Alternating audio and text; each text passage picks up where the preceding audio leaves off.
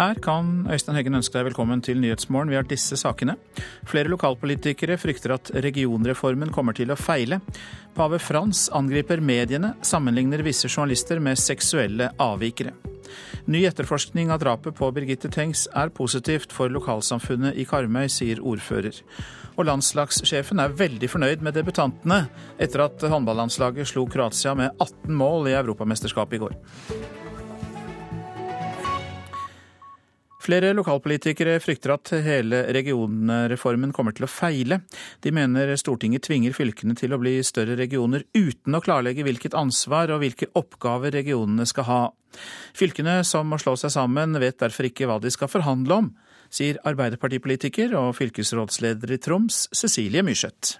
Det har jo vært frykten hele tida. Det har vært lagt så lite på bordet, det har kommet så få svar fra regjeringa.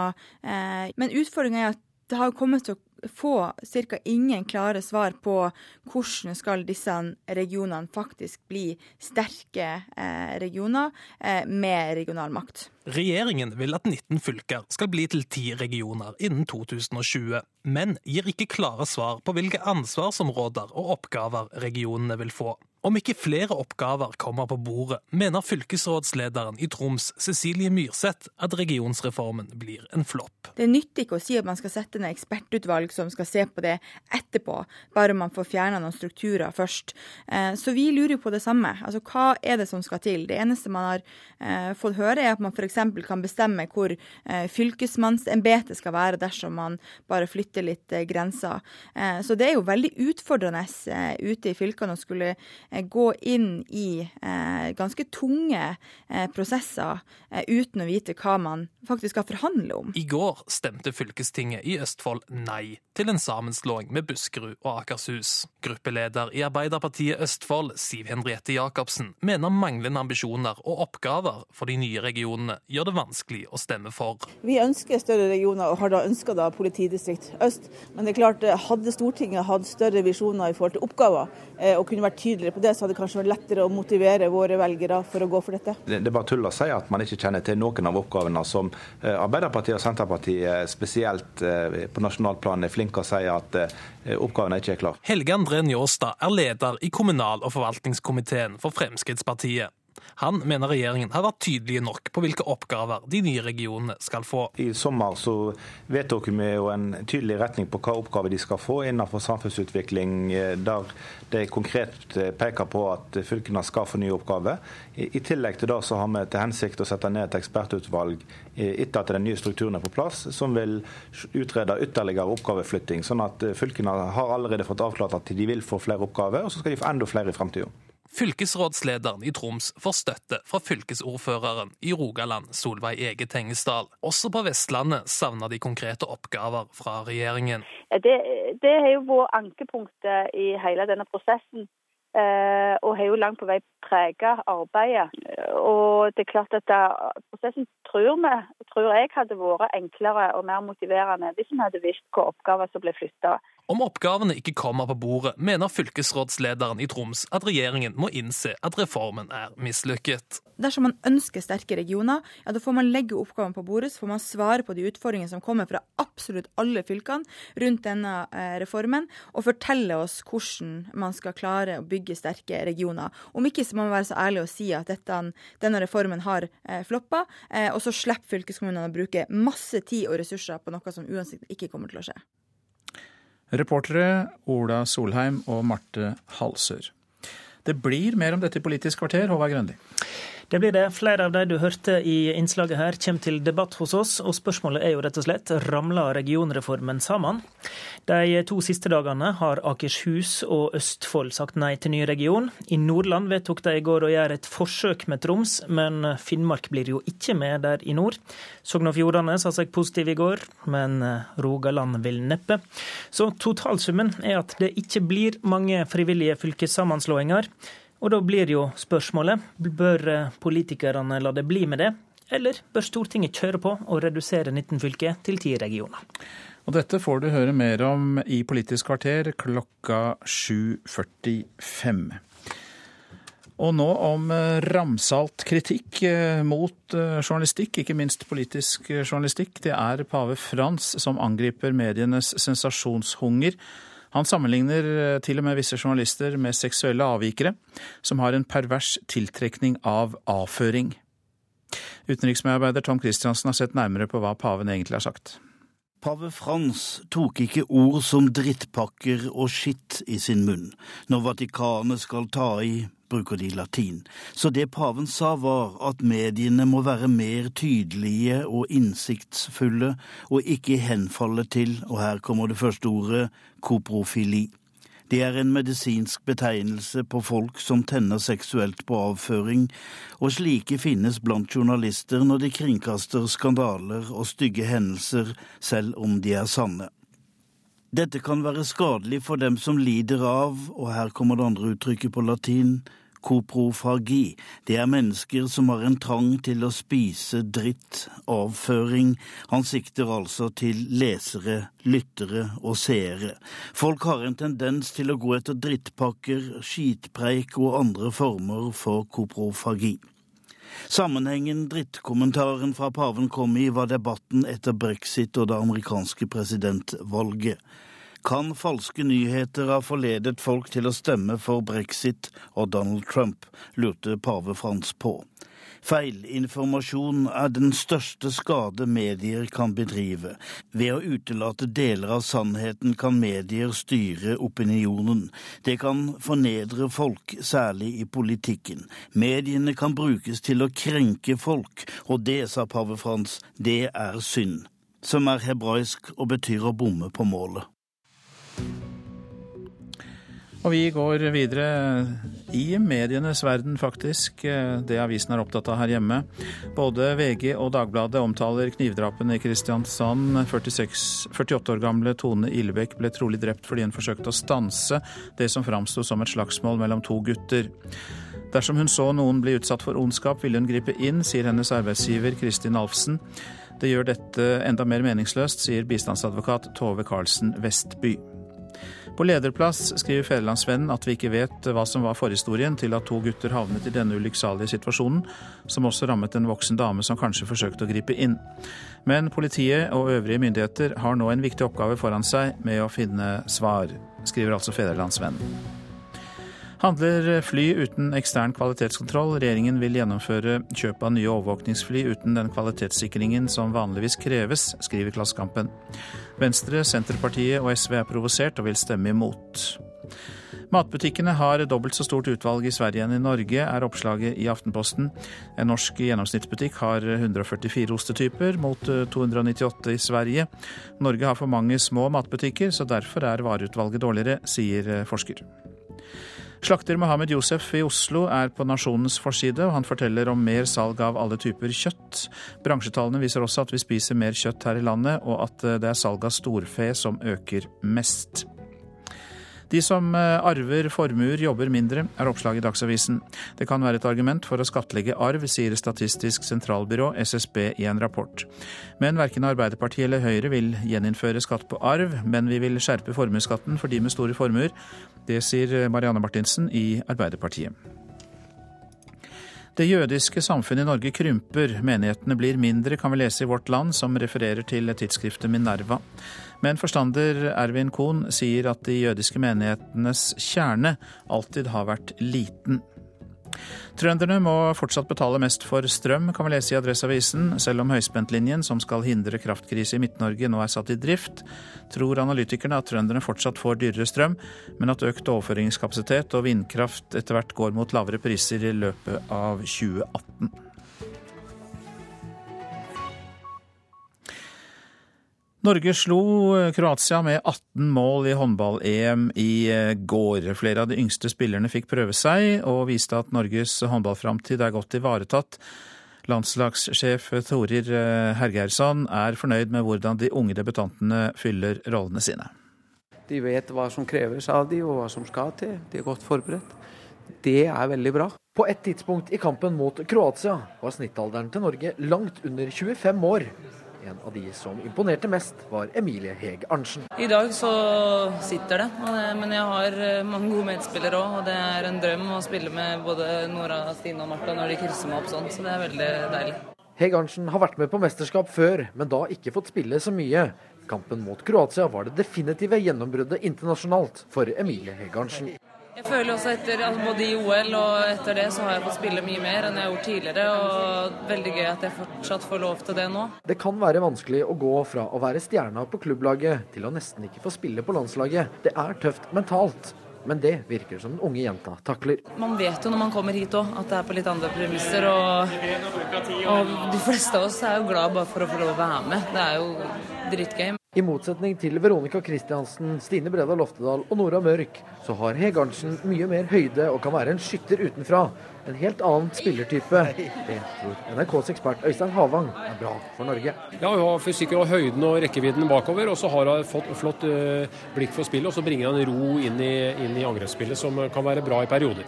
Landslagssjef Tore Hegersson er svært fornøyd med de unge men maner til forsiktighet. Eh, og Så får vi se hvordan de vil vokse videre. For det vil bli stigende motstand. OL-mestere på fredag. Norge er klar for hovedrunden og møter Russland da, i kampen om gruppeseier i morgen. Reporter var Patrick Steen Rowlands. Nyhetsmorgen lytter du til. Klokka nærmer seg 6.45. Og vi har disse hovedsakene. Politiet i Kristiansand burde ikke ha avhørt den 15 år gamle drapssiktede gutten uten advokat til stede. Det mener flere jurister. 15-åringen avslo tilbudet om forsvarer før han tilsto drapene. At bankrenten er på vei opp kan dempe boligprisene framover. Bankenes egne innlån er blitt dyrere, og flere av de største bankene har økt boliglånsrenta til sine kunder. Mer om dette etter klokka sju. Flere lokalpolitikere frykter at hele regionreformen kommer til å feile. De mener Stortinget tvinger fylkene til å bli større regioner, uten å klarlegge hvilket ansvar og hvilke oppgaver regionene skal ha.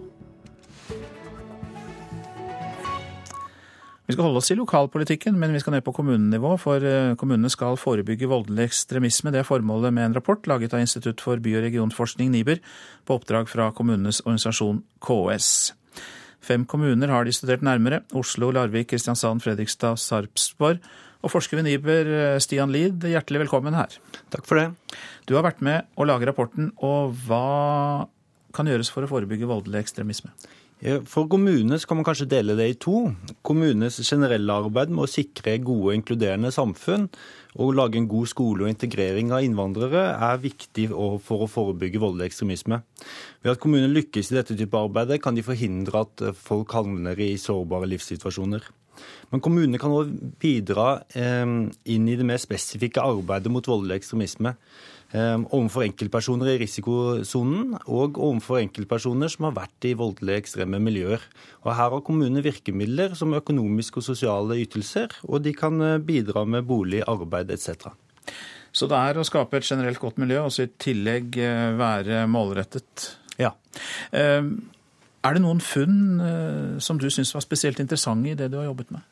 Jeg vil trekke frem at kommuner eh, har bygd på det eksisterende forebyggende arbeidet som de gjør eh, allerede, og det har vært et godt grep. Man gjør mye godt lokalt forebyggende arbeid i norske kommuner eh, fra før av. Å bygge på det var et, et eh, solid grep og godt utgangspunkt for å forebygge også voldelig ekstremisme. Men det er også, denne sakstypen har også noen særegenheter som gjør det utfordrende for kommunen, og man må jobbe videre med for å, å bedre arbeidet lokalt. Hva kan det gå ut på? Særegenhetene, altså? Eh, det er vanskelig å oppdage personer i risikosonen. Eh, disse personene ønsker ikke å bli oppdaget. Og det kan òg være vanskelig å vite hva som egentlig er bekymringsfullt i hver enkelt sak. Um, og det kan òg være vanskelig, selv om kommunen egentlig ønsker å komme inn med hjelpetiltak overfor disse personene, så kan det være vanskelig å komme i kontakt. Det ser man gjerne overfor hjemvendte fremmedkrigere fra Syria. At de ikke, ønsker kontakt med kommunen eller å få hjelp. Er det litt vrient å finne hvem som har ansvar for hva mellom eh, politiet og kommunens ansatte? Ja, det kan det være. De har, eh, det er noe flytende ansvarsforhold her eh, mellom disse to etatene. Og politiet beveger seg over måte, i mer sosial type arbeid. Så her kan det være noen flytende grenseskiller. Og her trengs det på en måte en ansvars- og rollefordeling. Til slutt, Hva er ditt beste råd til kommunene for å forebygge ekstremisme, og spesielt voldelig ekstremisme?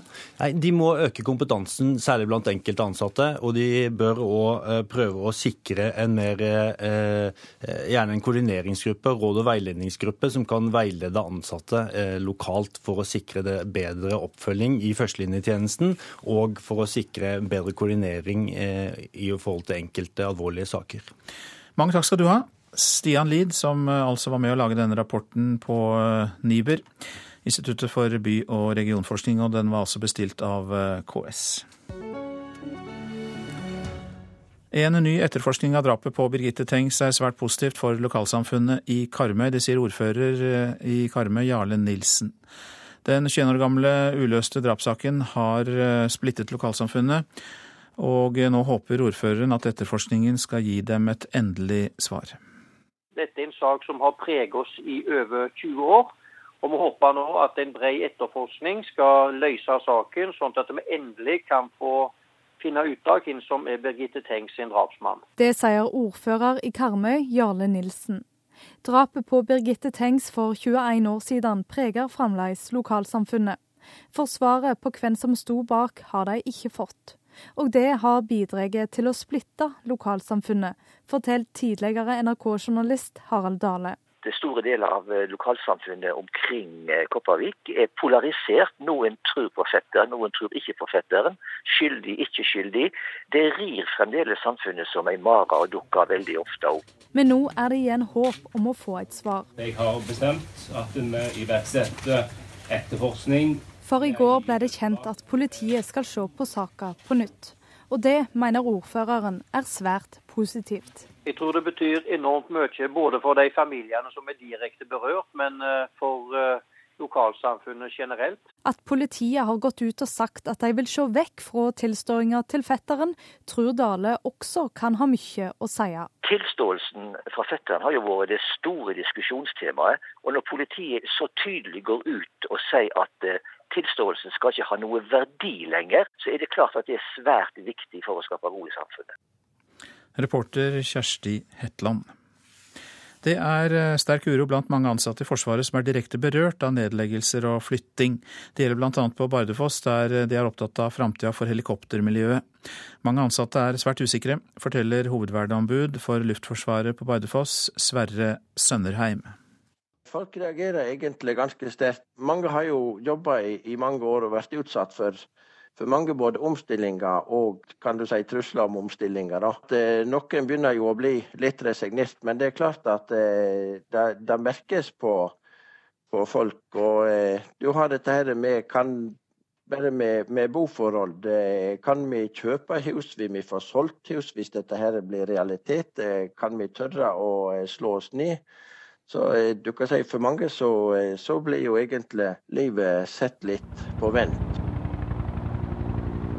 Mye av uroen på Bardufoss har bakgrunn i usikkerheter som er skapt i helikoptermiljøet etter Stortingets vedtak om langtidsplan for Forsvaret.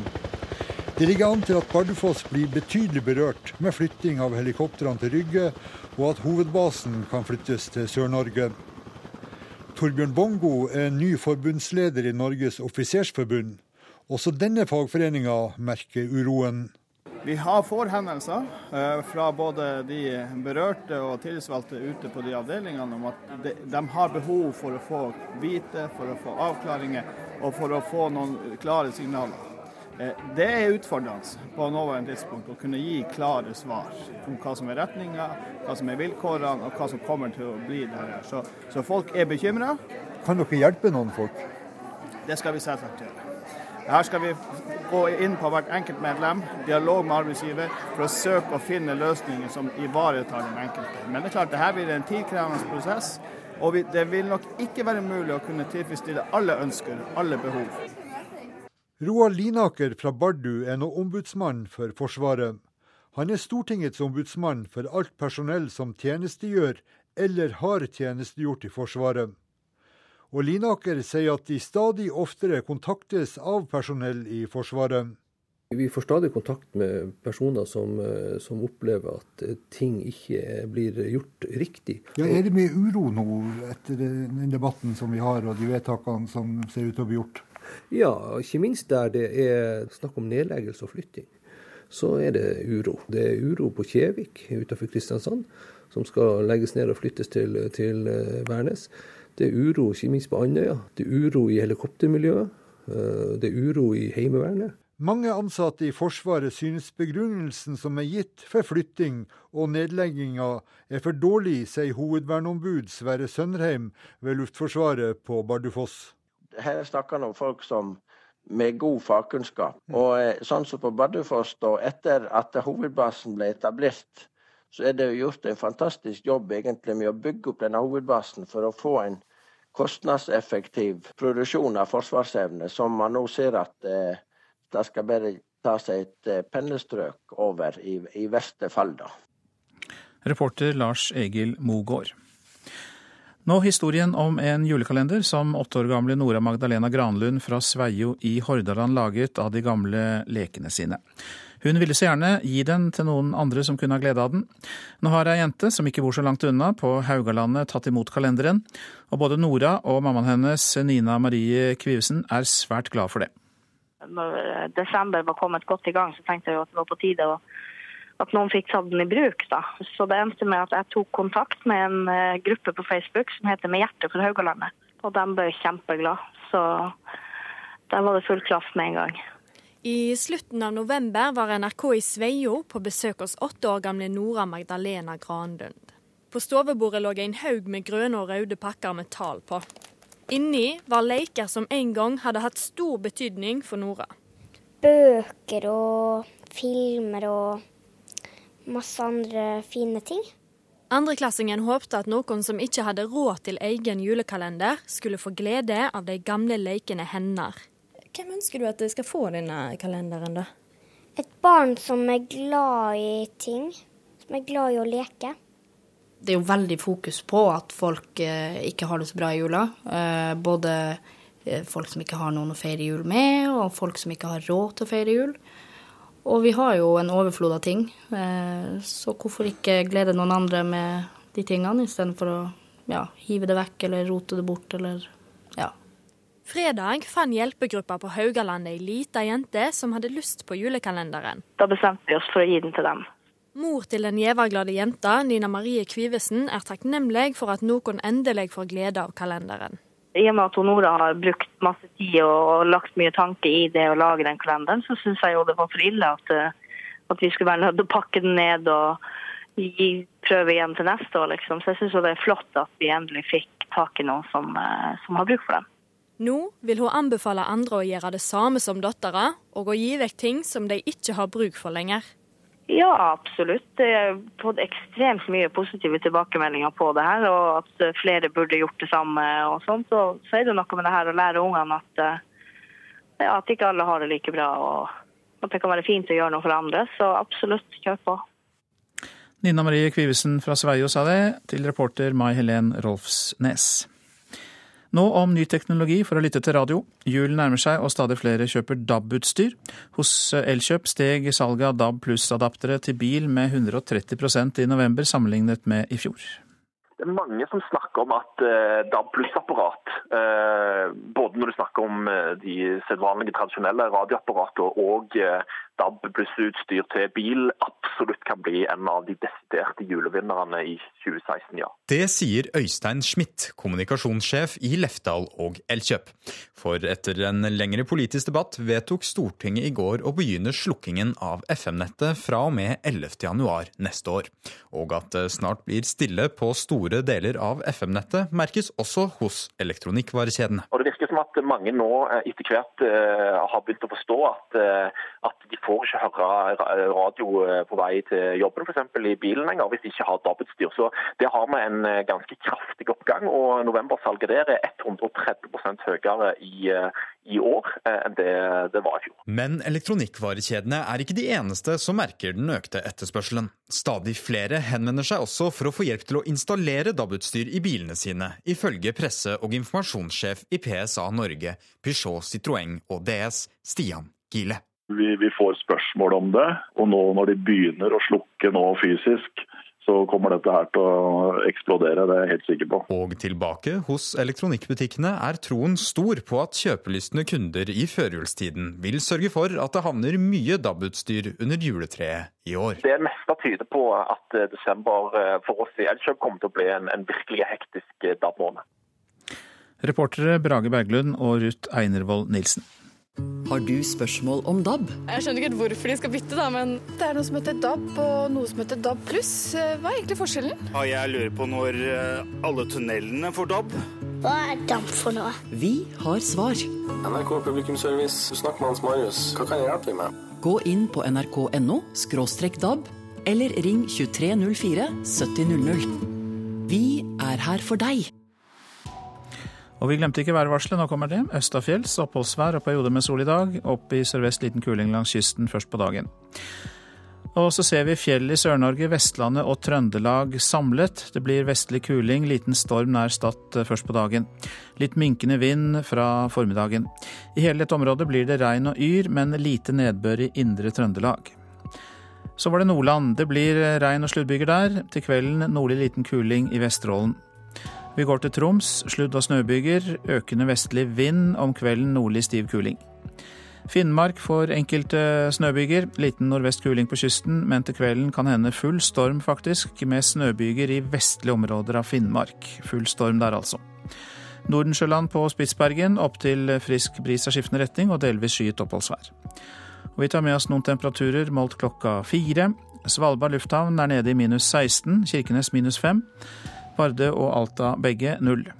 Tromsø-Langnes pluss én, Bodø tre, Brønnøysund fem, Trondheim-Værnes tre, Molde seks. Bergen-Flesland og Stavanger eh, hadde begge ti grader. Kristiansand-Kjevik elleve, Gardermoen fire, Lillehammer minus fem, Røros null. Og på Oslo-Blindern var det fire grader da klokka var fire.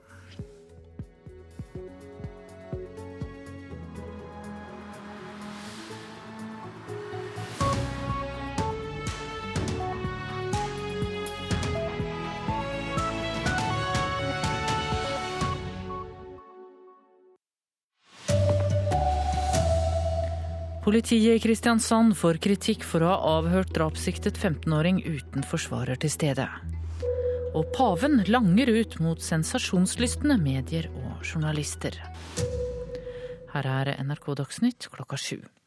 Politiet i Kristiansand burde ikke ha avhørt den dobbeltdrapssiktede 15-åringen før han hadde fått oppnevnt forsvarer. Det sier advokat Svein Kjetil Stalomo. 15-åringen avslo selv tilbudet om forsvarer før han tilsto drapene. Agder politidistrikt vil ikke svare på kritikken overfor NTB, men sier de vil svare advokaten direkte dersom han ber om det. En ny etterforskning av drapet på Birgitte Tengs kan være positivt for lokalsamfunnet på Karmøy. Den 21 år gamle drapssaken er fortsatt uløst. Saken har splittet lokalsamfunnet i mange år, forteller tidligere NRK-journalist Harald Dale store deler av eh, lokalsamfunnet omkring eh, Kopervik er polarisert. Noen tror på fetteren, noen tror ikke på fetteren. Skyldig, ikke skyldig. Det rir fremdeles samfunnet som ei mare og dukker veldig ofte opp. Men nå er det igjen håp om å få et svar. Jeg har bestemt at vi iverksetter etterforskning. For i går ble det kjent at politiet skal se på saka på nytt. Og det mener ordføreren er svært positivt. Jeg tror det betyr enormt mye både for de familiene som er direkte berørt, men eh, for eh, lokalsamfunnet generelt. Det sa ordfører i Karmøy, Jarle Nilsen. Reporter var Kjersti Hetland. I Mosul i Irak er den irakiske hæren påført store tap etter kraftige motangrep fra terrorgruppen IS. Det opplyser en offiser i hæren til nyhetsbyrået Ap. I går sa hæren at frontlinjen var flyttet to kilometer nærmere Mosul. Pave Frans angriper mediene for å være sensasjonslystne, og sammenligner enkelte journalister med seksuelle avvikere.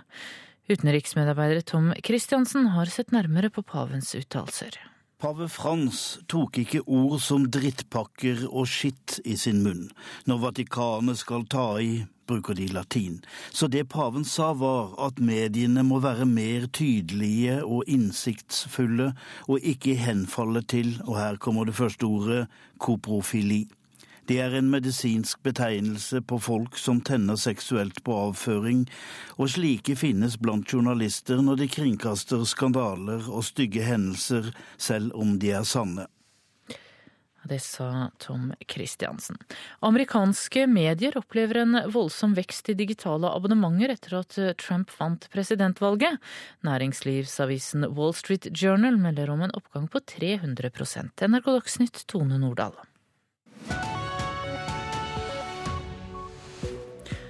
Og Nyhetsmorgen fortsetter med disse sakene. Alle skal ha nye strømmålere. Det kan føre til dyrere strøm på morgenen og ved middagstid når strømforbruket er høyt. Økte boligrenter kan komme til å dempe boligprisgaloppen. Dette er som å sette en pyroman eh, for å ta ansvar for brannsikring, sier miljøvernere om Donald Trumps nye klimaminister. Og vår Afrikakorrespondent har vært i områdene i Nigeria der terrorgruppen Boko Haram har herjet. I år og neste år så får alle husstander installert ny automatisk strømmåler. Og milliardinvesteringen eh, skal vi betale over nettleia. Med ny måler så kan strømprisen justeres fra time til time, og det kan bli dyrere strøm eh, morgen og kveld. Her bare begynner vi med å dokumentere den gamle måleren, med målerstand og Montør Kenneth Karm i Eltel demonterer gamle strømmålere på Hafslund nett i ei blokk på Lillestrøm. Bare på Romerike og deler av Østfold investerer nettselskapet over to milliarder kroner i nye målere. Så sjekker vi at det er spenning på alt av faser før vi begynner målebyttet. Målerne som du tidligere sjøl måtte lese av, eller de som leste av én gang om dagen, skal bort, sier prosjektdirektør Toril Benum i Hafslund Nett. Jo, dette er en del av moderniseringen av kraftnettet i Norge. Så det vil jo gi en rekke fordeler både for forbrukeren og for eh, nettselskapene. Du slipper å lese av strømmen din. Eh, og etter hvert vil det komme tjenester som gjør at du kan styre strømforbruket bedre. Men får vi billigere strøm, eller blir strømregninga høyere etter dette?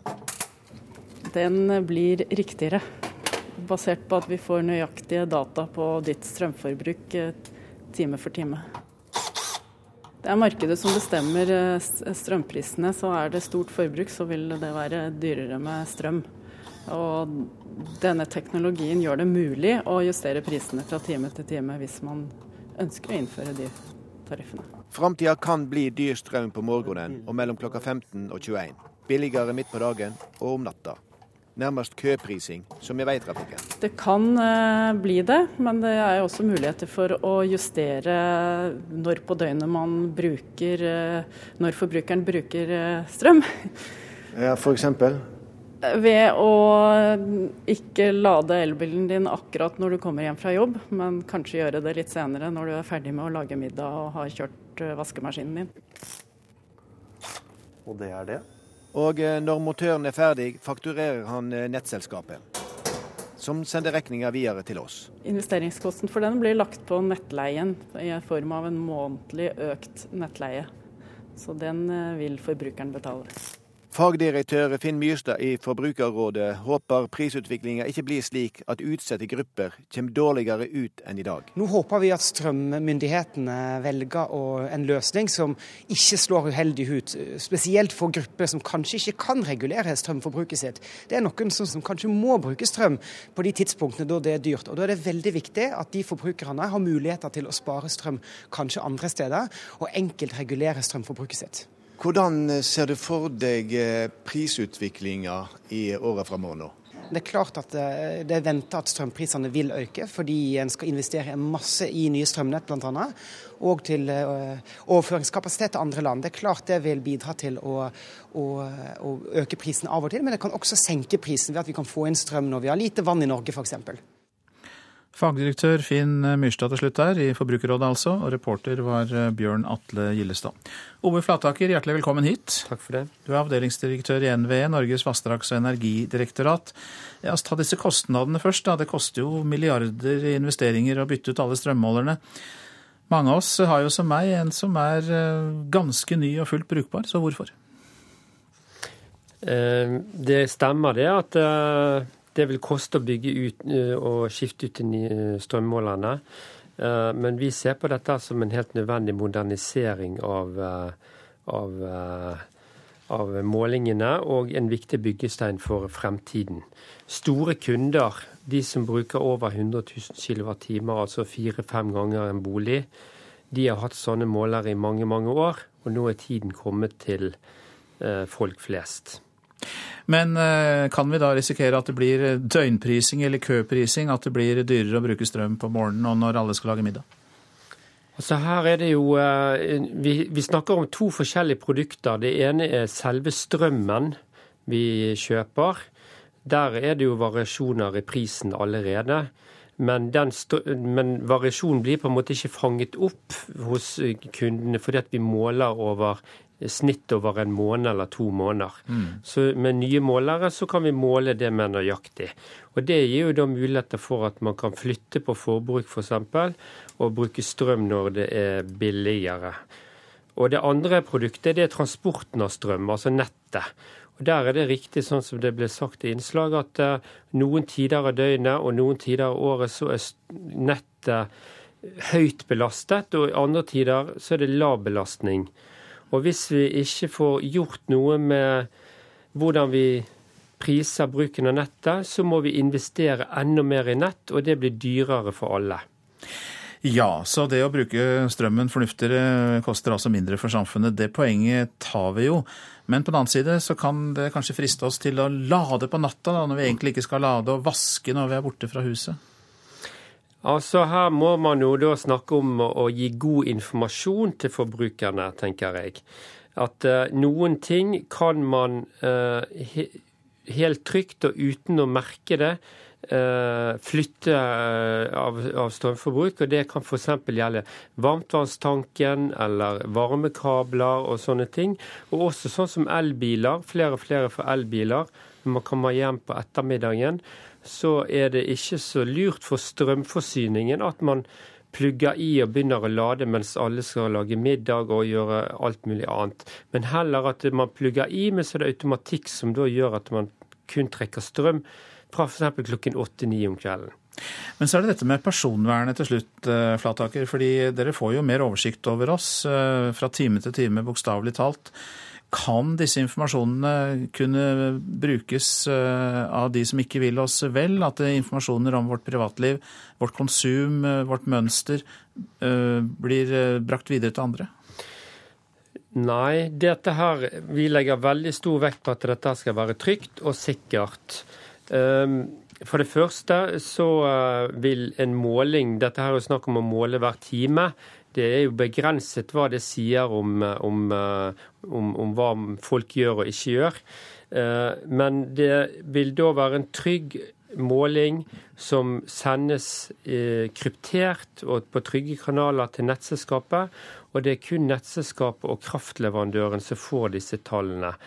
Eh, hvis det er noen andre som skal ha tak i disse tallene, så er det kunden sjøl som vil bestemme det. Det er kunden som eier sine egne måledata. Og vi legger veldig stor vekt på at det skal være trygge løsninger med eh, stor grad av sikkerhet. Takk for at du kom til oss, Ove Flataker, avdelingsdirektør i eh, NVE.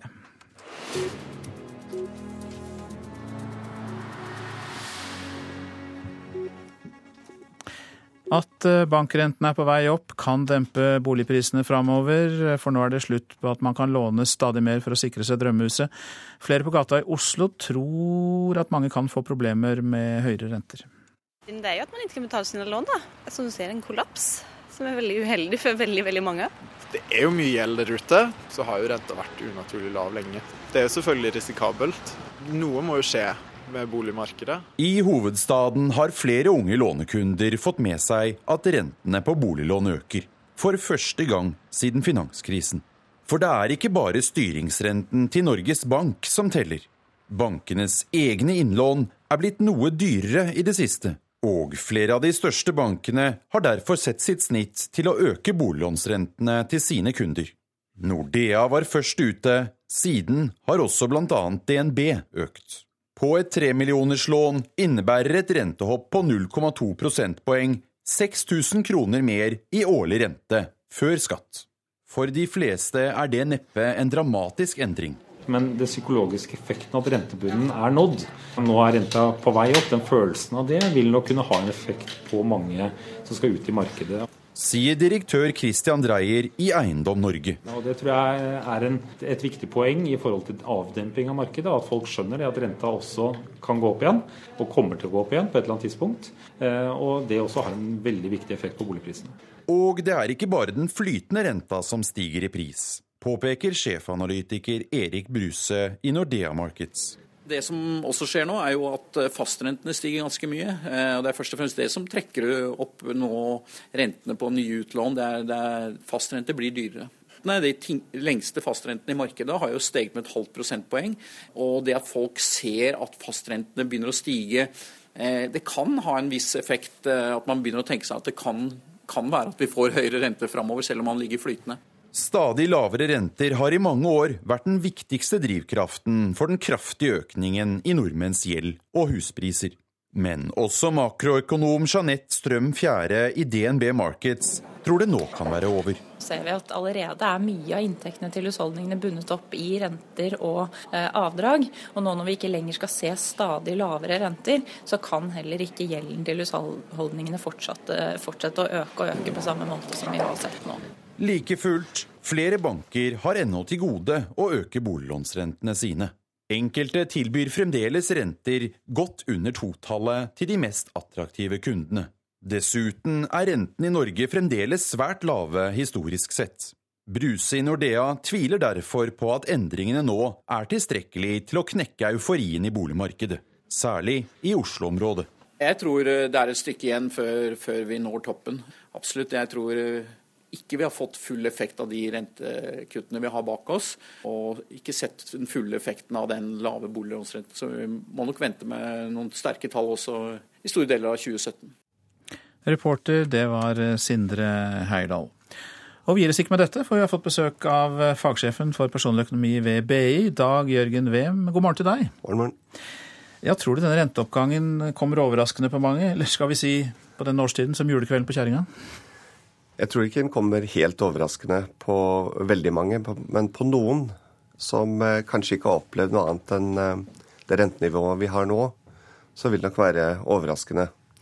Eh, og enda viktigere spørsmål er egentlig hvor sterkt det innvirker på den enkeltes privatøkonomi. Ja, hva viser erfaringen? Ja, hvis vi ser på de store tallene, så er det 4-5% av husholdningene som vil slite med en uh, vesentlig renteomgang. Men da snakker vi ikke om, om de små tiendedelspengene som, uh, som vi ser akkurat nå. Det biter ikke tilstrekkelig. Men det er kanskje et signal om at det kan komme mer senere, selv om det fortsatt er utsikter til uh, lav rente veldig lenge enda. Hva er dine tips, sånn at folk kan være forberedt? For som du sier, så kan det jo ta litt tid før det øker noe særlig. Ja, det Altså, folk er jo i veldig ulik situasjon. Og hvis man ser på, på rundt 15% av husholdningene har under 15% egenkapital. Og der er de ekstra sårbare for, for en nedgang i boligprisene hvis det skulle komme etter hvert. Og tipset der er egentlig å benytte lavrenteperioden nå til å nedbetale så mye man kan. Eh, slik at man gjenvinner eh, handlefriheten sin. Og så i det lengre løp så, så, bør man eh, passe på jobben sin. Kvalifisere seg og sørge for at man har arbeid. Og altså tilstrekkelig rom i økonomien, eller kalle det buffer, da. Et par viktige obs fra deg der, VM. Til slutt, tror du da renteøkningen kan påvirke boligprisene?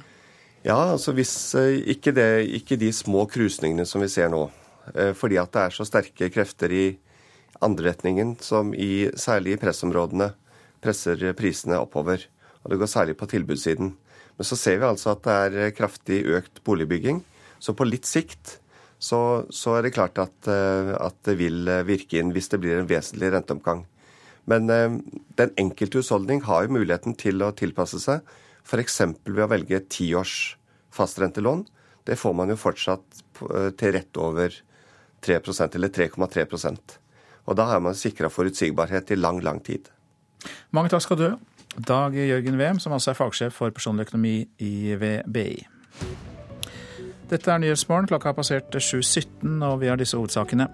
Alle husstander får automatisk strømmåler, har vi hørt i dag. Det kan føre til at det blir dyrere strøm når forbruket er høyt på morgenen og rundt middagstid.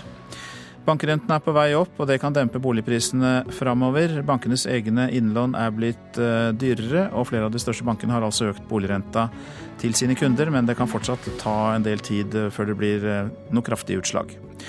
Og vi har hørt at, eh, i Dagsnytt at pave Frans angriper medienes sensasjonshunger og sammenligner visse journalister med seksuelle avvikere som har en pervers tiltrekning til avføring. Det er særlig den politiske journalistikken paven angriper. Til Afrika. Terroristgruppen Boko Haram har drept tusener av mennesker, bortført og misbrukt tusener, drevet over to millioner mennesker på flukt. Nå er det akutt matmangel i området, og FN roper varsko om at en sultkatastrofe er i ferd med å vokse i omfang, uten at verdenssamfunnet reagerer. I hvert fall ikke godt nok. Afrikakorrespondent Sverre Tom Radøy, du er i den nigerianske byen Mai Duguri, der Boko Haram ble dannet. Hvordan er situasjonen der? I denne delstaten uh, Borno i Nigeria så er antall flyktninger like høyt som eh, det antall flyktninger som kom til Europa i fjor. Eh, altså borte to millioner interne flyktninger bare her. Eh, menneskene løper jo for livet, rømmer det lille de har fra Boko Harams herjinger. Boko Haram dreper, plyndrer, kidnapper og, og brenner ned. Nå står mange i fare for å dø av sult mens de er flyktninger. 1,8 millioner har akutt matmangel. Eh, og det bare i denne delstaten. 6 millioner er det ropt kraftig varsel for i, i området. Dette er den største krisen i Afrika, eh, og den blir ignorert, eh, oversett, ifølge FNs talsperson. Og Vi sammenligner denne tragedien klart med det som skjer i Aleppo. Du var blant de fire første journalistene som kom inn i en leir FN bare har hatt tilgang til i en drøy uke. Hva var det dere så? Det er en leir med 60 000 mennesker, eh, med en veldig stor gravplass. Det er mødre som forteller om eh, barna de mister. De forteller om slektninger som er slaktet ned av terroristene. De er sultne. Eh, et måltid om dagen. Denne leiren fikk FN tilgang til først for en drøy uke siden Eh, mens eh, Leger uten grenser har vært der i eh, noe lengre tid. Folk ber om mat. Ikke alle har fått et plastrekk å krype under om natten. Det står, det står veldig dårlig til. Men disse har tross alt fått hjelp.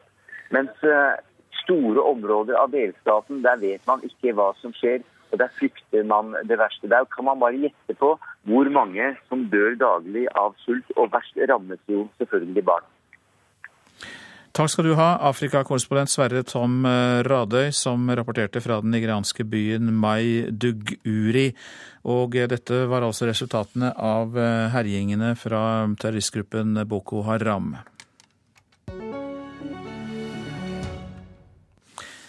Det er som å gi en pyroman ansvaret for brannsikring, slik beskriver en av miljøvernorganisasjonene i USA mannen Donald Trump ønsker som sin miljøvernminister.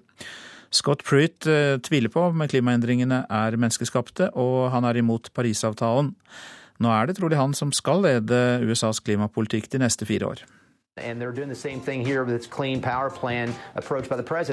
Scott Pruitt er statsadvokat i USAs kanskje mest republikanske delstat Oklahoma.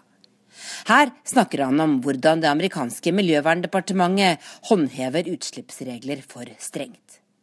Pruitt saksøkte for ikke lenge siden dette departementet. Nå kan han altså bli toppsjefen der.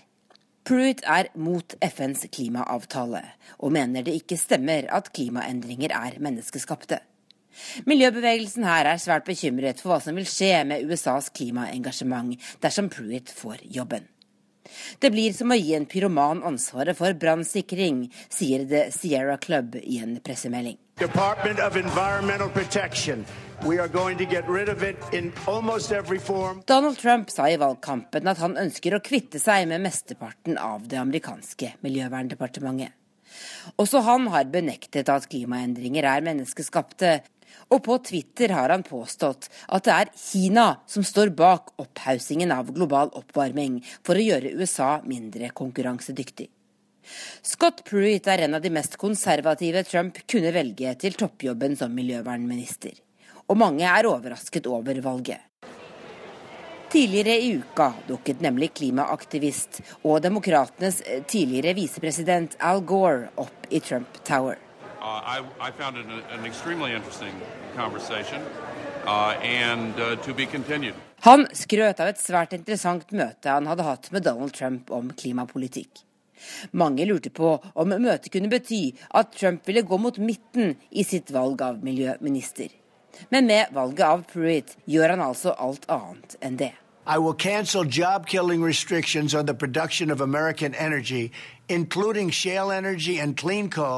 skal knekke restriksjoner på kull- og oljeproduksjon som dreper amerikanske arbeidsplasser, lovet Trump nylig. President Obama har innført en rekke klimatiltak Trump kan fjerne så fort han blir president. Han er imidlertid blitt advart mot dette fordi amerikansk næringsliv har satset stort på klimateknologi de siste årene. Og et amerikansk tilbaketog når det gjelder klima, kan komme til å skade USAs økonomi. Det sa USA-konsponent Tove Bjørgaas. Så litt om det avisen er opptatt av i dag. Både VG og Dagbladet omtaler knivdrapene i Kristiansand. 48 år gamle Tone Ilvik ble trolig drept fordi hun forsøkte å stanse det som framsto som et slagsmål mellom to gutter. På lederplass skriver Federlandsvennen at vi ikke vet hva som var forhistorien til at de to guttene havnet i den ulykksalige situasjonen, og at politiet og øvrige myndigheter nå har en viktig oppgave foran seg med å finne svar. Handler fly uten ekstern kvalitetskontroll. Regjeringen vil gjennomføre kjøpet av nye overvåkningsfly uten den kvalitetssikringen som vanligvis kreves, skriver Klassekampen. Venstre, Senterpartiet og SV er provosert og vil stemme imot. Matbutikkene har dobbelt så stort utvalg i Sverige som i Norge, er oppslaget i Aftenposten. En norsk gjennomsnittsbutikk har 144 ostetyper mot 298 i Sverige. Norge har for mange små matbutikker, så derfor er vareutvalget dårligere, sier forsker. Slakter Mohammed Yusuf i Oslo er på Nasjonens forside. Han forteller om mer salg av alle typer kjøtt. Bransjetallene viser også at vi spiser mer kjøtt her i landet, og at det er salget av storfe som øker mest. De som arver formuer, jobber mindre, er oppslaget i Dagsavisen. Det kan være et argument for å skattlegge arv, sier Statistisk sentralbyrå, SSB, i en rapport. Men verken Arbeiderpartiet eller Høyre vil gjeninnføre skatt på arv, men vi vil skjerpe formuesskatten for de med store formuer, sier Marianne Martinsen i Arbeiderpartiet til avisa. Det jødiske samfunn i Norge krymper, menighetene blir mindre, kan vi lese i Vårt Land, som refererer til tidsskriftet Minerva. Men forstander Ervin Kohn sier til avisa at de jødiske menighetenes kjerne alltid har vært liten. Trønderne må fortsatt betale mest for strøm, kan vi lese i Adresseavisen. Selv om høyspentlinjen som skal hindre kraftkrise i Midt-Norge nå er satt i drift, så kan det vare ut 2018 med forskjell i priser. I fjor var atomavtalen mellom Iran og USA, Kina, Russland, Frankrike, Storbritannia og Tyskland en av favorittene til å bli hedret med Nobels fredspris. Men det var nok best at den ikke fikk prisen. Det ville gitt vår sjefsforhandler, utenriksminister Javad Zarif, store problemer. Det sier en iransk professor som er ekspert på atomforhandlinger. De are blaming Zarif, de are blaming the de are blaming the Rouhani. They say that, okay, you de anklager utenriksminister Sarif og de anklager president Rouhani. Dere gav alt og fikk ingenting tilbake, sier hardlinerne i Iran. Det er professor Nasser Hadian som beskriver motstanden de mest konservative kreftene i Den islamske republikken gir atomavtalen. Avtalen fra i fjor går ut på at Iran åpner sitt atomprogram for innsyn, mot at Vesten hever sanksjonene mot landet. Avtalen gir håp til den store majoriteten av iranere som vil ut av isolasjon. De faste medlemmene av FNs sikkerhetsråd og EU har undertegnet avtalen med Iran, også USA. Donald Trump har sagt at han vil rive avtalen i stykker. Men også internt i Iran møter atomavtalens arkitekter hard motstand. President Hassan Rouhani har satset all sin politiske kapital på at sanksjonene blir hevet og økonomien bedret. sammen med sjefsforhandler og utenriksminister Jawad Zarif. Da senatet i USA nylig vedtok å forlenge USAs sanksjoner mot Iran i ti år til, haglet kritikken mot Rouhani og Zarif. Dette grenser til forræderi. Vi sa helt fra begynnelsen at dere ikke kan stole på amerikanerne, sier hardlinerne, som skor seg på dette og gjør dette til politikk, sier Nasser Hadian, professor i statsvitenskap og internasjonal lov ved Teheran-universitetet. Både Zarif og Rouhani kommer dermed i en vanskelig forsvarsposisjon, forklarer han. Motstanderne av atomavtalen vil beholde Vesten som fiende, og anklager Sarif og Rouhani for å ikke være dyktige nok, men for svake og ettergivende overfor Vesten. I fjor var atomavtalen og dens sjefsforhandlere, utenriksministrene Jawad Sarif og John Kerry, og EUs utenrikssjef Federica Mogherini blant favorittene til å få Nobels fredspris. Så ville ikke det ha hjulpet så fredsavtalen i Colombia fikk et effektivt dytt, ville ikke hevelsen av sanksjonene og atomavtalen også fått en viktig støtte, spør jeg.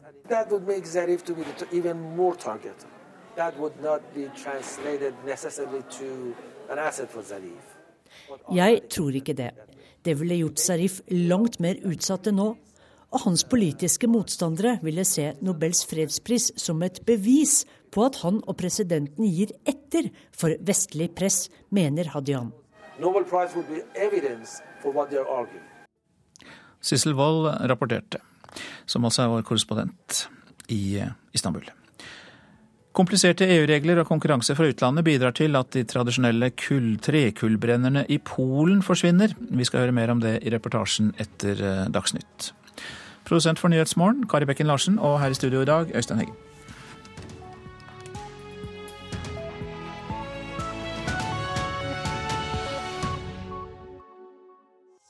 En hel time nyhetslunsj.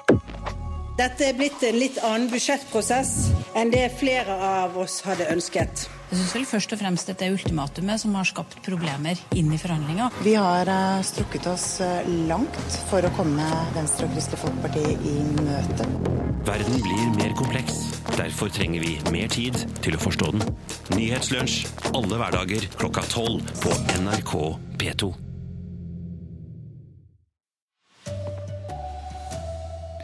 Politiet i Kristiansand får kritikk for å ha avhørt drapssiktet 15-åring uten forsvarer til stede. Det kan bli dyrere å bruke strøm om morgenen. I disse dager får mange familier ny strømmåler. Og paven langer ut mot sensasjonslystne medier og journalister. God morgen, her er NRK Dagsnytt klokka 7.30. Ja, politiet i Kristiansand burde ikke ha avhørt den 15 år gamle drapssiktede gutten uten advokat til stede. Det mener flere jurister. 15-åringen avslo tilbudet om forsvarer før han tilsto drapene. Advokat Svein Kjetil Stallemo ble oppnevnt som forsvarer først etter at gutten hadde gitt en detaljert forklaring av hva som skjedde da Jakob Hassan og Tone Ilebekk ble drept. Han sier til NTB at politiet burde ha stoppet avhøret, og viser til at gutten i forklaringen kan ha gitt svar som han ikke hadde forutsetninger for å forstå konsekvensen av, og som kan få betydning for både siktelse og straffeutmåling. Også advokat Marius Oskar Didriksson, som er leder av forsvarergruppen i Advokatforeningen, er kritisk. Han peker på at siktede etter avhøret ble lagt inn på en psykiatrisk institusjon.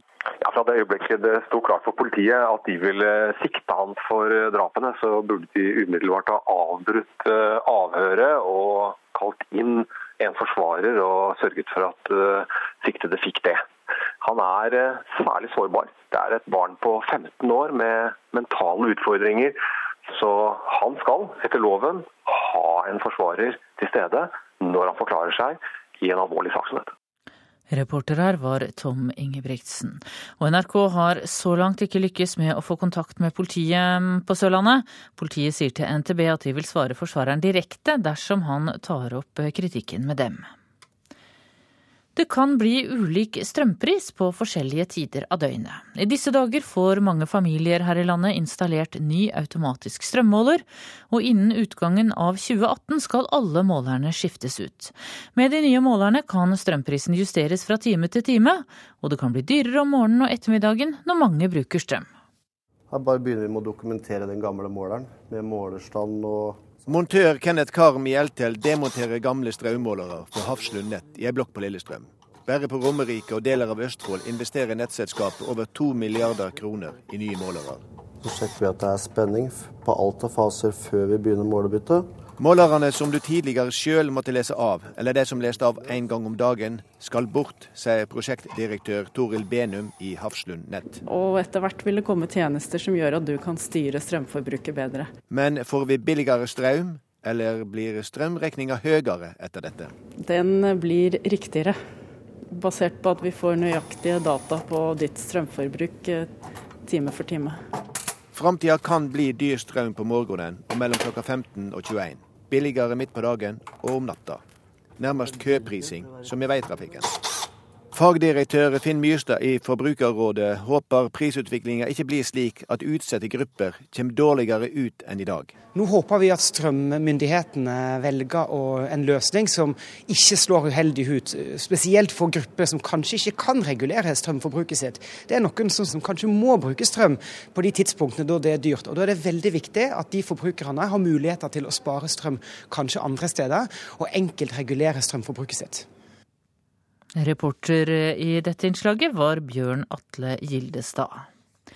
Økningen i boligprisene kan bli dempet av at bankrentene nå er på vei oppover, mener økonomer. Bankenes egne innlån har blitt dyrere i det siste, og flere av de største bankene har derfor satt opp renten på boliglån. Og det kan gi lånetakerne problemer. Det er jo at man ikke kan betale sine lån, da. Som du ser, en kollaps. Som er veldig uheldig for veldig, veldig mange. Det er jo mye gjeld der ute, så har jo renta vært unaturlig lav lenge. Det er jo selvfølgelig risikabelt. Noe må jo skje med boligmarkedet. I hovedstaden har flere unge lånekunder fått med seg at rentene på boliglån øker. For første gang siden finanskrisen. For det er ikke bare styringsrenten til Norges Bank som teller. Bankenes egne innlån er blitt noe dyrere i det siste. På et tremillionerslån innebærer et rentehopp på 0,2 prosentpoeng 6000 kroner mer i årlig rente før skattefradrag. For de fleste er det neppe en dramatisk endring. Men det psykologiske effekten av at rentebunnen er nådd. Nå er renta på vei opp. Den følelsen av det vil nok kunne ha en effekt på mange som skal ut i markedet sier direktør Christian Dreyer i Eiendom Norge. Og det tror jeg er en, et viktig poeng i forhold til avdemping av markedet. At folk skjønner at renta også kan gå opp igjen. Eh, og det også har en veldig viktig effekt på boligprisene. Og det er ikke bare den flytende renta som stiger i pris, påpeker sjefanalytiker Erik Bruse i Nordea Markets. Nei, De lengste fastrentene i markedet har jo steget med et halvt prosentpoeng. Og det at folk ser at fastrentene begynner å stige, kan ha en viss effekt. Eh, at man begynner å tenke seg at det kan være at vi får høyere rente framover, selv om man ligger flytende. Reporter her var Sindre Heierdal. Flere lokalpolitikere frykter at hele regionreformen kommer til å feile. De er redde for at Stortinget skal tvinge fylkene til å bli større regioner, uten å være klare på hvilke ansvarsområder og oppgaver regionene skal ha. Dette gjør at fylkene som nå må slå seg sammen, ikke vet eh, hva de skal forhandle om. Det sier Arbeiderpartipolitiker og fylkesrådsleder i Troms, Cecilie Myrseth det vi vil ha svar på, er jo eh, hvordan tenker regjeringa eh, å gjøre disse regionene til sterke regioner. Det nytter ikke å si at man skal sette ned ekspertutvalg som skal se på det etterpå, bare man får fjerna noen strukturer først. Eh, så det er jo veldig utfordrende eh, ute i fylkene å skulle eh, gå inn i eh, ganske tunge prosesser uten å vite hva man faktisk skal forhandle om. Men Helge André Njåstad fra Fremskrittspartiet sier regjeringen har vært tydelig nok på hvilke oppgaver de nye regionene skal ha. I sommer så vedtok vi jo en tydelig retning på hva oppgaver de skal få innenfor samfunnsutvikling, eh, der de konkret eh, peker på at fylkene skal få nye oppgaver. I tillegg til det så har vi til hensikt å sette ned et ekspertutvalg eh, etter at den nye strukturen er på plass, som vil utrede ytterligere oppgaveflytting. Sånn at fylkene har allerede fått avklart at de vil få flere oppgaver, og så skal de få enda flere i framtida. Ja, hvis du har radioen på PT, P2, så kan du få med deg debatten om dette i Politisk kvarter om noen få minutter. Nå skal vi høre at pave Frans angriper mediene for å være sensasjonslystne, og han sammenligner enkelte journalister med seksuelle avvikere. Det er særlig den politiske journalistikken han angriper. Utenriksmedarbeider Tom Christiansen har sett nærmere på pavens uttalelser. Pave Frans tok ikke ord som drittpakker og skitt i sin munn. Når Vatikanet skal ta i, bruker de latin. Så det paven sa var at mediene må være mer tydelige og innsiktsfulle, og ikke henfalle til, og her kommer det første ordet, koprofili. Det er en medisinsk betegnelse på folk som tenner seksuelt på avføring, og slike finnes blant journalister når de kringkaster skandaler og stygge hendelser, selv om de er sanne.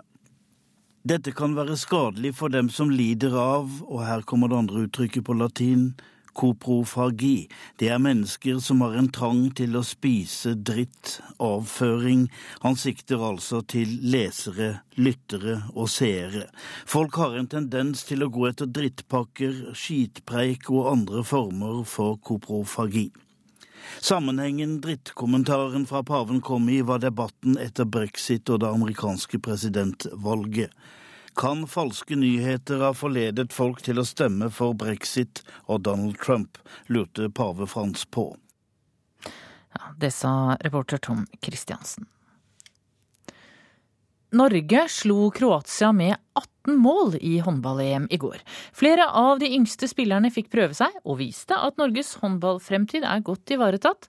Landslagssjef Torir Hergeirsson er fornøyd med de unge debutantene. De vet hva som kreves av de og hva som skal til. De er godt forberedt. Det er veldig bra. På et tidspunkt i kampen mot Kroatia var snittalderen til Norge langt under 25 år. En av de som imponerte mest, var Emilie Heg Arntzen. I dag så sitter det, men jeg har eh, mange gode medspillere òg. Og det er en drøm å spille med både Nora, Stine og Martha når de krysser meg opp sånn, så det er veldig deilig. Heg Arntzen har vært med på mesterskap før, men da ikke fått spille så mye. Kampen mot Kroatia var det definitive gjennombruddet internasjonalt for Emilie Hegarnsen. Jeg føler også etter altså både i OL og etter det så har jeg fått spille mye mer enn jeg har gjort tidligere. og Veldig gøy at jeg fortsatt får lov til det nå. Det kan være vanskelig å gå fra å være stjerna på klubblaget til å nesten ikke få spille på landslaget. Det er tøft mentalt. Men det virker som den unge jenta takler. Man vet jo når man kommer hit òg at det er på litt andre premisser. Og, og de fleste av oss er jo glad bare for å få lov å være med. Det er jo dritgøy. Reporter her var Patrick Steen Rolands, og Norge møter Russland i kampen om gruppeseieren i morgen. Ansvarlig for Dagsnytt Bjørn Christian Jacobsen, i studio Tone Nordahl.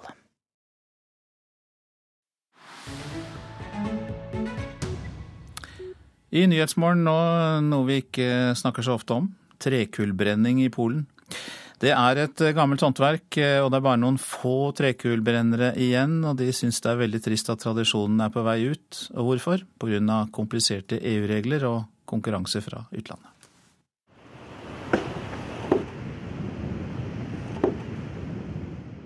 Det blåser i skogen i et fjellområde sør i Polen. Snøen ligger i klatter på bakken, og Sigmund Furdigel lemper meterlange stokker av bøk inn i en diger jernovn. Den har en diameter på et par meter og er like høy. Furdigel er 69 år gammel og har i 40 år arbeidet med å framstille trekull.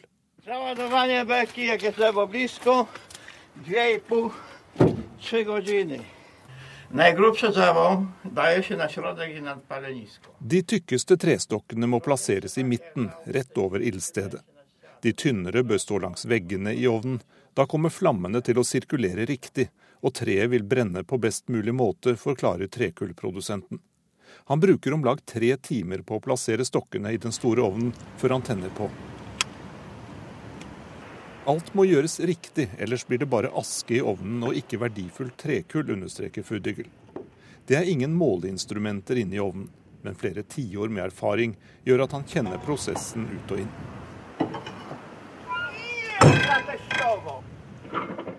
To jest tak zwana sucha destylacja. Odparowanie dymu i, i wody i ma pozostać węgiel. Jak dymi na biało produkuje... Metoden jeg bruker kalles tørr destillasjon. Røyk og vann forsvinner ut av treet, og så blir det karbon igjen, sier 69-åringen. Han påpeker at røyken som kommer ut må være hvit. Da lages det trekull. Hvis røyken er blå, blir det bare tull og bortkastet arbeid.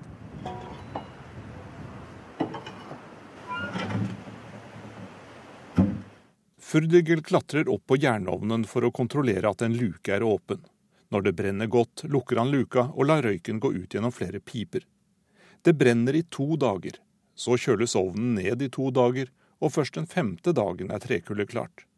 Moja taka norma jest, e, jedna się beka pali, druga stygnie. Jeg har fire slike ovner, og mens én brenner, kjøles en annen ned.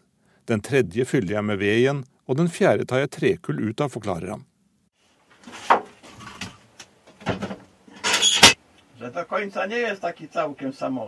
Furdigel lager seg en kopp kaffe inne i den enkle hytta han bor i. Det er tydelig at det ikke er så veldig mye penger å få inn på denne virksomheten, selv om naturen er vakker og ville dyr ofte kommer innom stedet. Bez prądu, bez internetu u mnie istnieje średniowiecze. Potoka, woda Det er ikke strøm her oppe i fjellskogen. Det er ikke noe internett. Det er som å være i middelalderen, sier Furdigel. Han henter vann i en elv like ved, og får lys fra sola om dagen og månen om natta.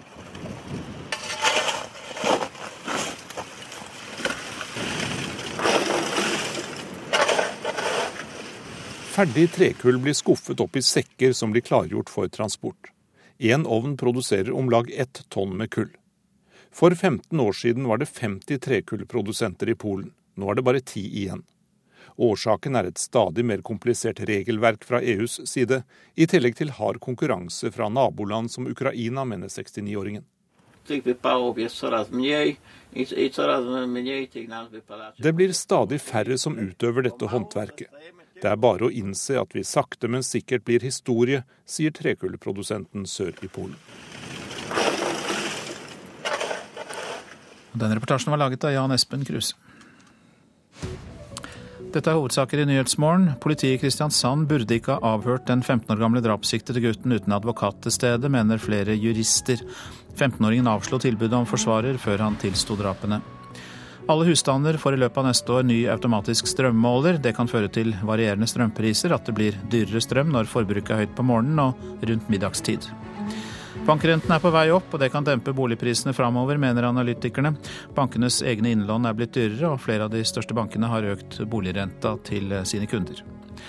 Pave Frans angriper medienes sensasjonshunger og sammenligner visse journalister med seksuelle avvikere som har en pervers tiltrekning av avføring.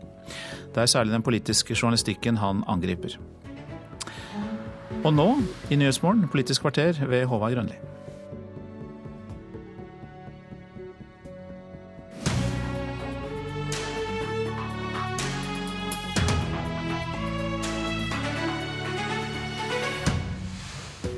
Blir det nye regioner? Stortinget har sagt at vi skal fra 19 fylker til 10 regioner. Men de frivillige prosessene er i ferd med å stoppe opp. Også fylkespolitikere som vil ha reform, er nå i sterk tvil om dette er liv laga. I disse dager tar fylkestinga stilling til sammenslåing. Akershus sa nei denne veka, det samme gjorde Østfold i går. Nordland åpna i går for ny forhandling med Troms, så der kan det skje noe. På Vestlandet sa Sogn og Fjordane ja til ny region i går, men som i, i kommunereformen, for hvert positive vedtak er det et negativt som blokkerer. Og i vest, der ser det ut til at Rogaland sperrer. Solveig Ege Tengesdal, fylkesordfører i Rogaland fra KrF. Innstillinga til vedtak i Rogaland er iallfall nei til den avtalen om vestlandsregionen som du var med å forhandle fram. Hvorfor er det skepsis i ditt fylke? Ja, Det som går igjen eh, som bakgrunn for å fremme andre forslag enn en det som handler om eh, en større vestlandsregion, det knytter seg til dette med oppgaver. Eh, veldig mye handler om det at en er utfordra på å få en tydeligere beskrivelse av hvilke oppgaver en ser for seg i nye regioner, uten at en får det. Nå er det sånn sett med et eh, forslag, eller I det vedtaket som nå kommer fra fylkesutvalget til fylkestinget neste uke, så har en tatt med eh, en del oppgaver som en mener at det må være minimum for det en må kunne uttrykke noe om i forhold til en uh, ny region. Ja, Hva konkret er det dere ønsker dere, da? Ja, Det som står nå i vedtaket, det er dette med regional veiadministrasjon, som har ansvar for planlegging og drift av fylkesveiene. At det i sin helhet legges til et regionalt folkevalgt nivå. Forvaltningsoppgaver som i dag er lagt til Fylkesmannens landbruksavdeling og miljøavdeling. Og òg eh, det som handler om NVE, konsesjonsoppgaver, veiledningsoppgaver som, og annen naturressursforvaltning av regional karakter. Det er det som nå følger eh, innstillingen fra fylkesutvalget til fylkestinget neste uke. Vei, landbruk eh, og eh, miljøenergi, da kunne dere fått en sterkere region? Ja, Det er i hvert fall det vi mener må, må være minimum. For eh, ellers har vi jo levert ganske så lange lister, både fra fylkeskommunene samla sett. Eh, vi leverte et forventningsbrev fra de tre vestlandsfylkene Hordaland, Sogn og Fjordane og Rogaland. Og der la vi til òg dette med regionale jernbanetjenester. Mm. Eh, en enda mer tydelig fordeling av eh, Forskningsrådet sine programområder. Bufetat, eh, der er integrerings og mangfold, som forstått allerede har vært antydet som en mulighet å flytte regionalt. Okay. Ja. Mange oppgaver dere kunne tatt i en ny region. Ja. Cecilie Myrseth fra Arbeiderpartiet, fylkesrådsleder i Troms. Du får oppdatere oss på Nord-Norge. Hva er status veka før fylkestinget i Troms skal melde inn hva de ønsker? Ja, Det har vært en eh, lang, eh, lang prosess i, i, Troms eh, og i Nord-Norge, hvor utgangspunktet var at Troms enda er og har hele tida vært veldig positiv til å se på mulighetene med regionalisering. Jeg personlig er også det. Men eh, med tanke på hvordan denne prosessen har vært lagt opp, så har man jo ikke klart å eh, gjøre noen flere engasjert verken fra Finnmark eller Nordland. Og Vi har hatt prosesser med Finnmark. Eh, de førte, eh, førte, ingen vei, da vi ikke fikk noen svar på hvordan vi skulle gjøre dette til en sterkere region med tanke på de avstandene vi har. I dag om få timer så skal jeg reise til eh, Nordland helt på tampen for å se om det er mulig i det hele tatt å finne ut noe sammen så med dem. Så da må du klare det på ei uke i tilfelle? ja, eller få dager. Det er, men det er jo en stor utfordring, også for oss som er entusiastiske utgangspunkt tidspunktet, når man ikke eh, får noe svar på hvordan dette skal gi sterkere regioner i det hele tatt. Og Du nevner her at du er kritisk til hvordan det er lagt opp. Hva er det du mener er galt med hvordan det er lagt opp? da? Når man gir fylkeskommunene noen få måneder på å finne ut av hvordan man kan slå seg sammen med de andre uten å legge noen gulrøtter på bordet, i stedet for så kutter man i de virkemidlene som fylkeskommunene i dag har. Det har man gjort gjennom de siste eh, årene i alle statsbudsjettene. Eh, for Nord-Norge betyr det nærmere 900 millioner kroner i kutt. Eh, hvordan man da skal få tillit til at man skal få sterkere regioner bare man slår seg sammen, uten at man forteller hvorfor, det det er veldig lite troverdig. Og du ønsker også flere oppgaver, som eh, hun nevner i Rogaland? Ja, der er alle fylkeskommunene fullstendig enig. Eh, det må flere oppgaver ut. Mm. Eh, og man må få en beskrivelse av hvordan man faktisk skal gjøre større regioner sterkere enn hva de er i dag. Helge André Njåstad, leder i kommunalkomiteen på Stortinget fra Fremskrittspartiet. Kommer Stortinget til å kjøre på og gjennomføre prosessen med å redusere til ti regioner? Ja, Det er jo da et stortingsflertall har sagt. Hadde det vært opp til oss alene, så hadde vi jo klart oss uten fylkeskommunen. Men det er ikke flertall for det i dagens storting, og da har vi inngått et kompromiss med KrF og Venstre som er der vi syns det er bedre med ti sterke regioner enn med 19 fylkeskommuner som i dag. Så Derfor har vi satt i gang denne reformen. og eh, det er jo feil å si at man ikke har flytta oppgaver. Eh, I sommer så tok Stortinget stilling til en rekke oppgaver som skal flyttes ned til fylkeskommunene i framtida. Ja, kan du egentlig ramse opp dem? Jeg kan ikke ramse opp alle, for det er så mange. Men eh, mange av de som fylkesordførerne i Rogaland ønsket seg Kan du ramse opp noen, hva for noen ja. som er endelig avklart, egentlig? Da? Eh, alt skal utredes med sikte på å flytte støvet. Ja, det, det, kommer et nytt ekspertutvalg, det er det som er poenget? I, tillegg, men en, en, rekke utredninger er regjeringen i gang med. Da med veiadministrasjon, at fylkeskommunene skal ha et større ansvar for sine egne, sin egne veier med energi. Eh, at fylkesmannen skal bestemme mindre og folkevalgte mer, er vi enig i. eh, at de skal få en tydeligere rolle innenfor samfunnsutviklingen, er vi enig i. Og alt dette her har Stortinget gitt bestilling til regjeringen om å utrede og få på plass eh, i den proposisjonen som kommer til våren. Sånn at fylkeskommunene skal få flere oppgaver. Men de, mener, de du hører her, mener at dette bør være på plass før en lager et nytt kart? Jo, men det er jo på plass. Men alle er veldig opptatt av at man skal legge det fram på hvordan man konkret skal flytte oppgavene over. Men intensjonen er på plass. Men så prøver jo opposisjonen på Stortinget å skape et inntrykk av at ingenting er avklart. Og det er jo det som har forplanta seg ned til fylkeskommunene nå, at ingenting er avklart. Hvis man leser den stortingsmeldingen og behandlingen i komiteen og i Stortinget, så ser man at Stortinget har vært veldig konkret med hva oppgaver som skal flyttes.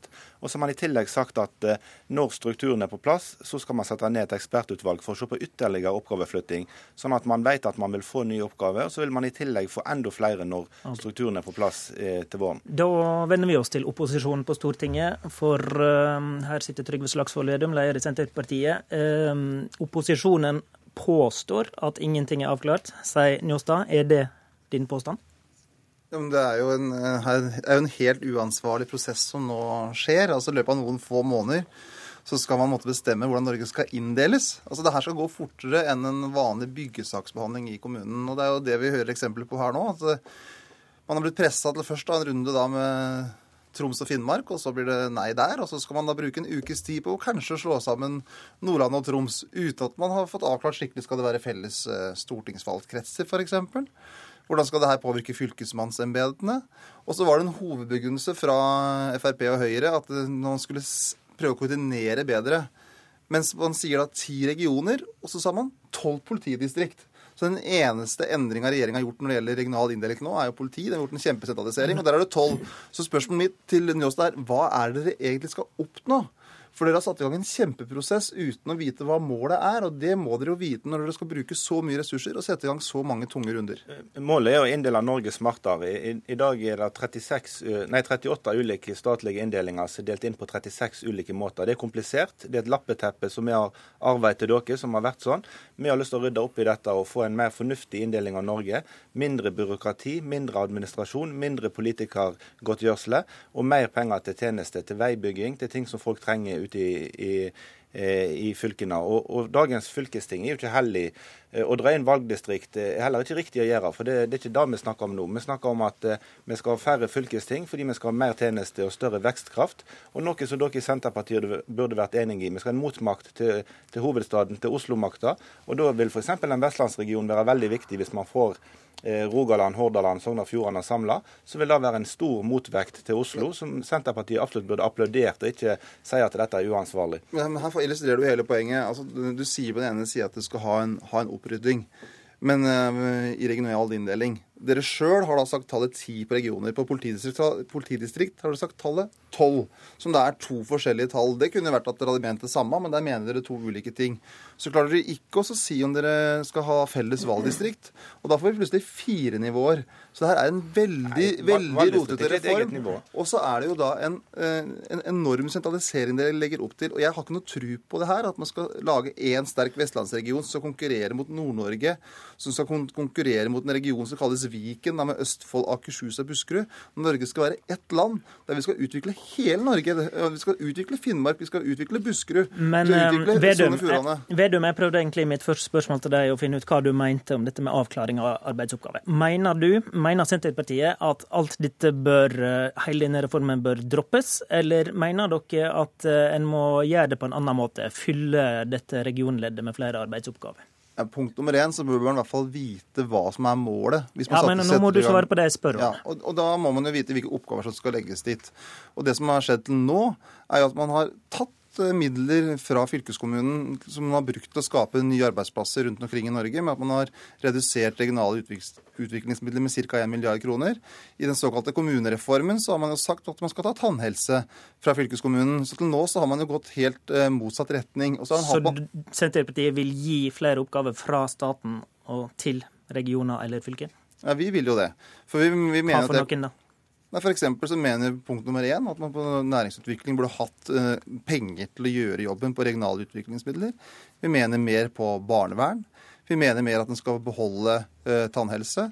Vi har jo eh, sjøl ment at man skal styrke deres ansvar på, på, på vei.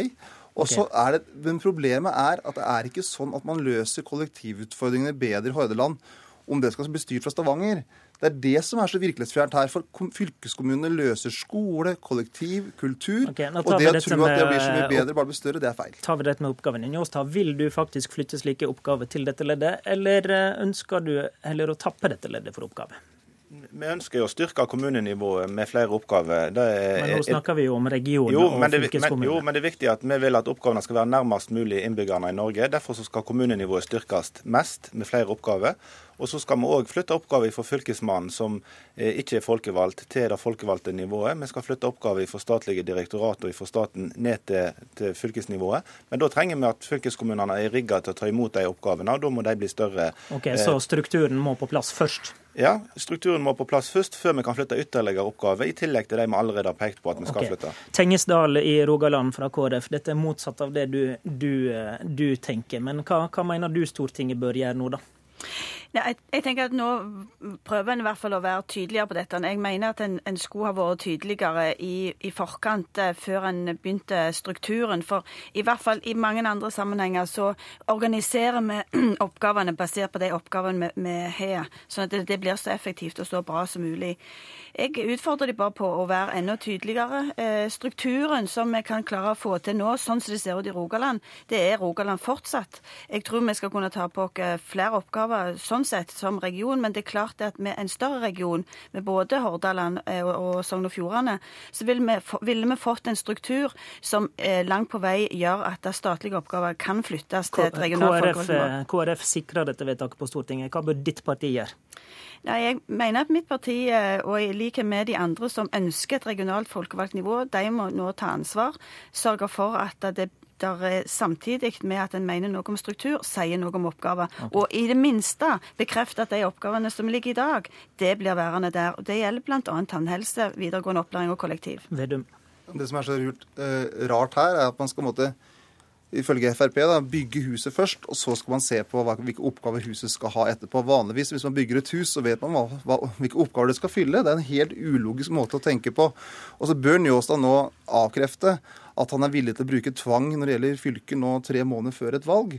Fordi det er så gærent, det Njåstad sa i Klassekampen i, fjor, eh, i går, at eh, jo, jeg i Frp, vi, hvis man ikke ønsker lokalt, så skal vi tvinge gjennom vedtakene i vårsesjonen.